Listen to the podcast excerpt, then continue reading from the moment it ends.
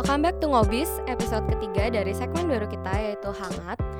Dengan ambience hangat dan topik-topik hangat yang akan dibicarakan, balik lagi kita akan ngebahas semua berita-berita hangat seputar lokal brand di Indonesia yang terjadi pekan lalu. Hai semua, nama gue Yulisa dan gue yang bakal ngabain hangat untuk kalian semua yang lagi ingin mulai minggunya dalam beraktivitas. Bakal guna banget buat kalian yang ketinggalan berita, nyari ide konten, atau buat bahan ngobrol kalau ketemu orang nanti. Dengerin aja berita hangat dari teman startup untuk bisa up to date dengan berita kekinian yang ada. Berita pertama datang dari fenomena heboh pembukaan F&B Store yang lagi hype banget minggu lalu. Yes, it's Subway Indonesia.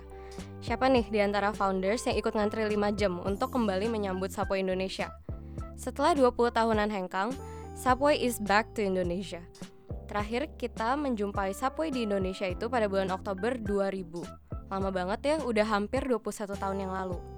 Kali ini cabang pertamanya berlokasi di Cilandak Town Square. Faktanya pada tanggal 15 kemarin, gerai Subway di hari pertamanya baru dibuka untuk umum jam 12. Namun ternyata udah banyak pengunjung yang antri di lokasi dari jam 10. Emang kalau udah soal antri mengantri, masyarakat Indonesia juaranya ya.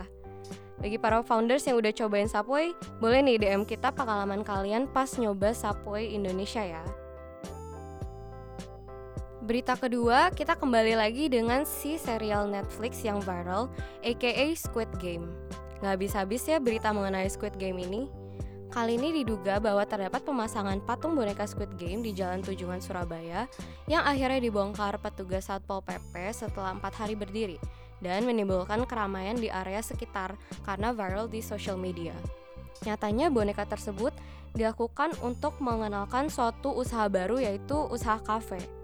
Namun, dikarenakan patung tersebut belum mendapatkan izin, Satpol PP dan BPB Linmas Kota Surabaya membongkar dan mengamankan boneka tersebut di kantor Satpol PP Kota Surabaya.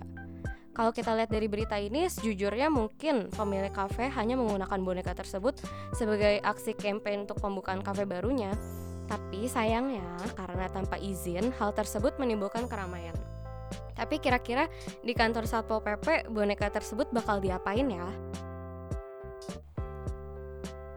Berita ketiga datang dari dunia e-commerce.